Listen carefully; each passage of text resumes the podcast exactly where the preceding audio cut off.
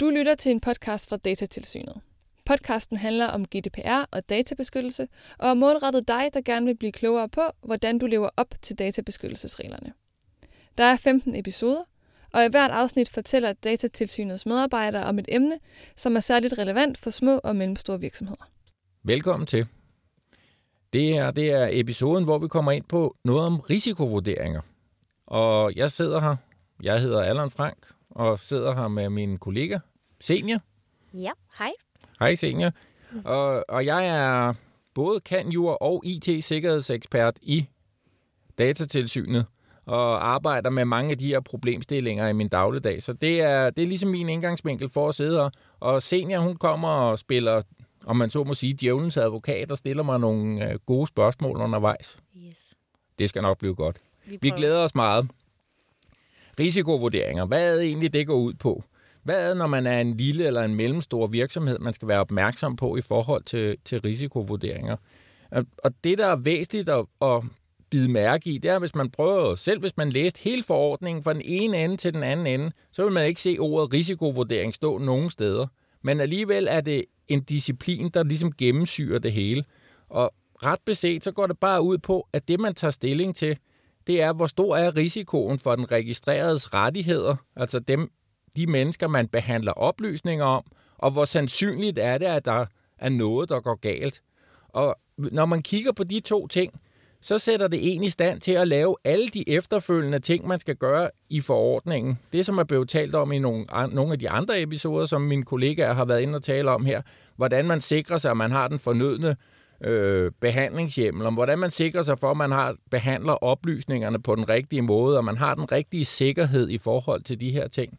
Og også om man skal lave det, der hedder en konsekvensanalyse. Man får faktisk svaret på mange af de ting ved at lave en risikovurdering. Og derfor er risikovurderingen et af nøglestenene til øh, ligesom at komme i gang med det hele. Og så lyder det her jo utrolig langhåret, men det er det faktisk slet ikke. Og som en lille eller en mellemstor virksomhed, jamen, så behøver man ikke at, at ofre noget i raketvidenskabens hellige navn for at komme i gang med det her. Man kan faktisk godt gøre en hel masse ting selv.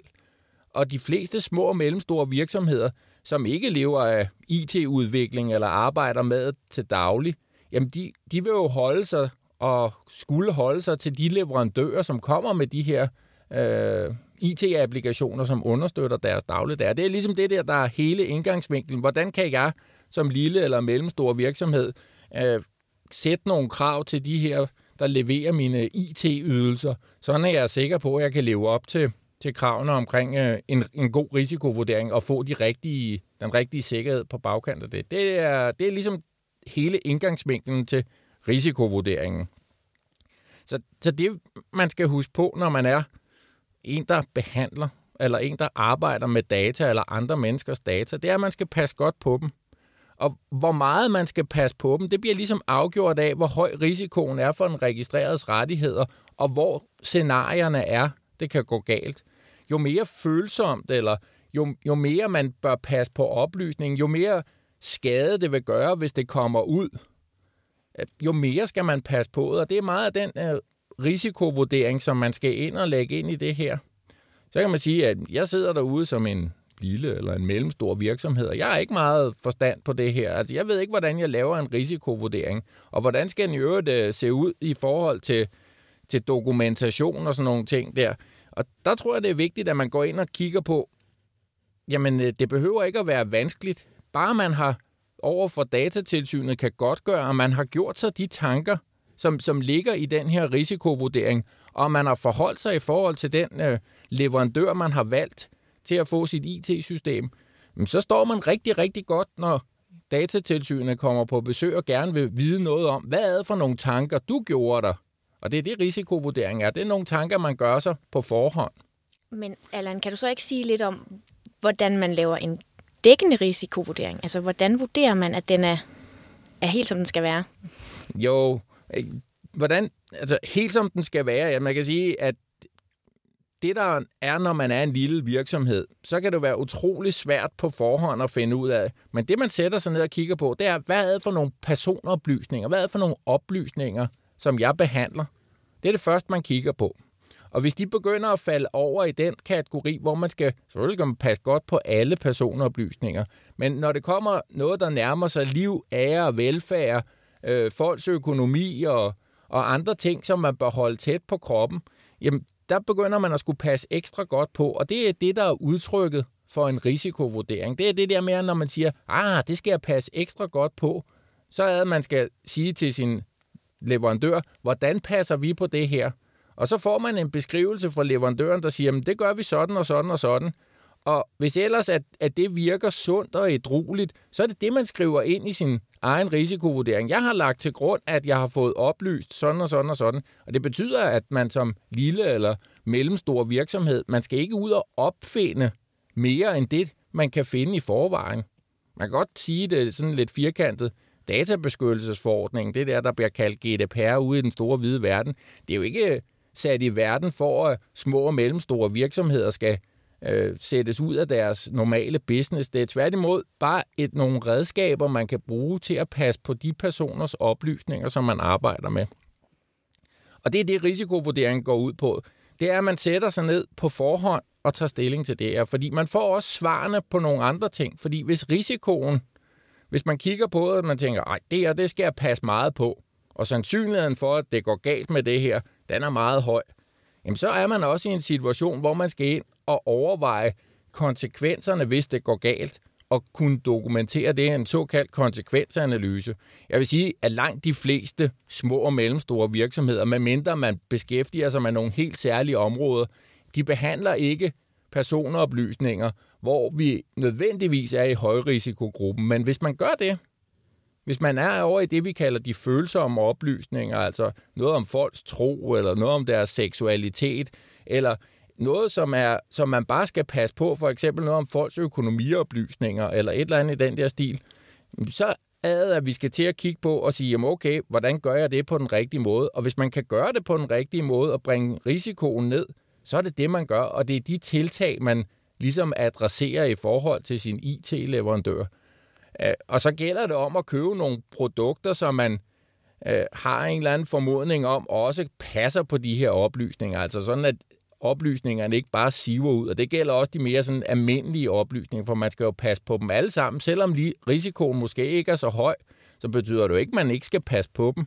Så betyder det bare, at den måde, man gør det på, kan laves på en nemmere og mere tilgængelig måde måske.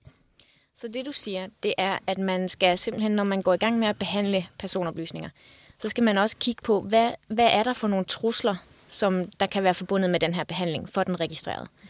Og hvor, altså, hvad kan et eksempel på sådan nogle trusler være, som man skal tage højde for i sin risikovurdering?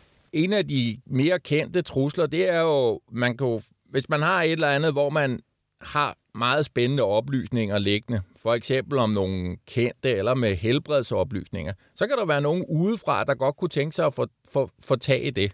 Og dem der udefra, det kunne jo være nogen, der prøvede at hacke sig ind i ens system, og det vil være en mulighed for en risikobillede. Men langt de fleste af de risici, vi ser, de foregår når i den normale dagligdag ude hos den enkelte virksomhed. Der er det jo medarbejdernes håndtering af dataerne, øh, der typisk udgør den største risiko. Man kan for eksempel, når man skal sende en e-mail, få den sendt til den forkerte person. Man kan for eksempel, hvis man sidder med de her oplysninger, øh, glemme, at man ikke må øh, fortælle naboen om den her meget spændende sag, man har fået derhjemme. Altså, der er mange muligheder for, hvordan oplysningerne ligesom kan sive ud af virksomheden. Og der tror jeg, det er vigtigt at holde fast i, at det er også de risici, man kigger på, de der helt elementære, og langt de fleste af dem, hvis man er en lille eller en mellemstor virksomhed, der vil det typisk være spørgsmål omkring jamen, den interne håndtering. Det, vi, det, man kalder de organisatoriske sikkerhedsforanstaltninger.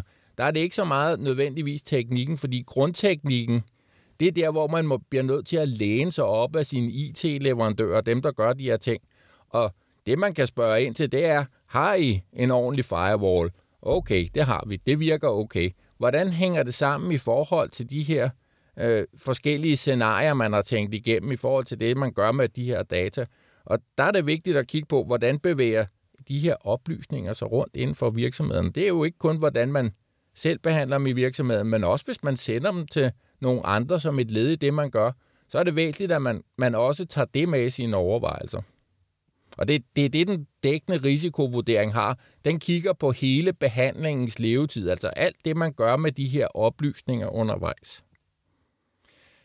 Jeg synes, at det, der er vigtigt i forhold til det her, hvis man er en lille eller en mellemstor virksomhed, det er, at man prøver at gå ind på datatilsynets hjemmeside. Vi har offentliggjort nogle hjælpetekster og nogle hjælpeskemaer, der kan sætte en i stand til at, at vurdere de her ting. Og der findes også nogle henvisninger til nogle eksterne skemaer. De er godt nok også tilgængelig, men kun på engelsk, som det internationale netværksagentur, det europæiske netværksagentur har lavet. Og de oplysninger er rigtig, rigtig gode, også til at finde ud af, hvad er det så for nogle ting, jeg skal spørge min leverandør om i den anden ende. Og der, der tror jeg, det er vigtigt, at man ikke prøver at gøre det her sværere, end det er. Datatilsynet er, altså den dokumentation, der skal til, den kan godt stå på bagsiden af en fedtet serviet, bare det er de rigtige overvejelser, man har gjort sig øh, på forhånd. Og det er sådan set det, der er det vigtigste, det er, at man gør det her på forhånd, altså allerede inden man begynder at behandle oplysningerne. Fordi når man først er gået i gang, jamen så, hvis man ikke er heldig og rammer rigtigt, så kan man jo godt ramme ved siden af skiven i forhold til, hvor meget sikkerhed skulle der til. Skulle jeg lave en konsekvensanalyse? Og alle de andre ting, som risikovurdering giver det rigtige grundlag for at kunne finde ud af. Og det er derfor, at risikovurdering er hele omdrejningspunktet i at lave en god behandling af personoplysninger. Mm. Nu er der jo mange, når de, når de kan man sige, arbejder med IT-sikkerhed, så bruger de de her ISO-standarder. Og der er jo også nogle ting, man kan lægge vægt på, og der skal man også lave en risikovurdering. Men kan du ikke fortælle lidt om, hvordan den ligesom spiller ind i forhold til den risiko, man skal lave efter databeskyttelsesforordningen? Jo, jeg udgangspunktet er, at ISO er et rigtig godt procedureredskab. Altså den har rigtig mange gode processer, hvordan man kommer igennem de forskellige ting og får den fornødne ledelsesmæssige forankring.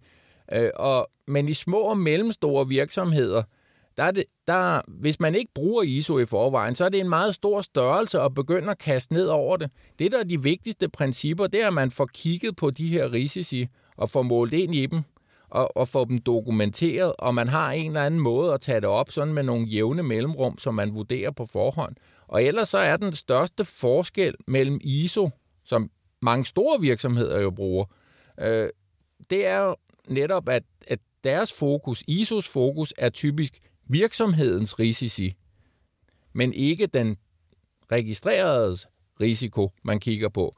Og, og det, der er det væsentlige i forhold til databeskyttelsesforordningen, det er, at vi passer på de registreredes oplysninger og gør det på en god og ordentlig måde. Og det er det fokus, som er det væsentlige i forhold til databeskyttelsesforordningen, i forhold til de regler, som datatilsynet kigger på. Og det tror jeg, det er den vigtigste forskel, for der er mange, der har en rigtig god ISO-vurdering af de, men det er meget de større virksomheder. Og, og hvis man har det, så er det jo et godt udgangspunkt, for det definerer mange af de tekniske problemstillinger, der også vil berøre virksomheden. Og der er jo et vist overlap også i forhold til de risici, der er for den registrerede. Men fokus er anderledes i forhold til forordningen, og det er den væsentligste forskel. Mm. Så det vil sige, når man laver en risikovurdering, så det vigtigste, man skal holde sig for øje i hvert fald, det er, at man kigger på beskyttelsen af den registrerede, og ikke ligesom, altså hvad er risikoen for virksomheden, hvis der er noget, der skulle gå galt her? Ja, lige præcis. Hvis man siger det lidt firkantet, hvis jeg er en butik, der sælger minkpelse, og min website bliver kompromitteret, og nogen, så kan virksomhedens risiko være, at der ikke bliver solgt nogen minkpelse. Men i forhold til den registrerede, er, med mindre at deres oplysninger omkring betalingskort og sådan noget bliver lægget ud, øh, så er den væsentligste problemstilling i forhold til det, det er jo alle de ting med, at de ikke kan komme i kontakt med den pågældende. Men for virksomheden er det jo invaliderende, at de ikke kan sælge, og derfor en klar ISO-problemstilling, mens at, at det blotte faktum, at man ikke lige kan komme på hjemmesiden og købe en minkpels inden for de næste 5-10 minutter, det er ikke nødvendigvis for den enkelte registreret noget stort problem. Det er stadigvæk et lille problem, men det er dog ikke noget stort problem. Og det er det, er det der viser forskellen i, i fokus fra virksomhedsperspektivet over i forhold til den registreredes rettigheder. For man derimod lægge sit kontokort oplysninger, ja, så er, så er der jo en vis risiko for, at man kan blive udsat for, eller ens kontokort kan blive misbrugt i flere forskellige sammenhænge. Eller hvis ens personlige data, e-mailadresse eller nogle af de andre ting bliver kompromitteret, så kan man få ekstra meget spam. Og der tror jeg, at det er vigtigt, at man holder øje med at sige, at det er lige præcis de risici og de, den risiko, der er for en registreret i mange af de her tilfælde. Jeg tror, at det var nogenlunde af ordene herfra. Jeg siger tak til Senior, fordi du ville være djævelens advokat. Tak, fordi du ville have mig med. Du har lyttet til en podcast fra Datatilsynet. Vil du have svar på flere spørgsmål om regler for databeskyttelse, så giv de andre episoder i serien et lyt, og besøg også gerne Datatilsynets hjemmeside, datatilsynet.dk. Denne podcast er støttet af EU-programmet for rettigheder, ligestilling og unionsborgerskab 2014-2020.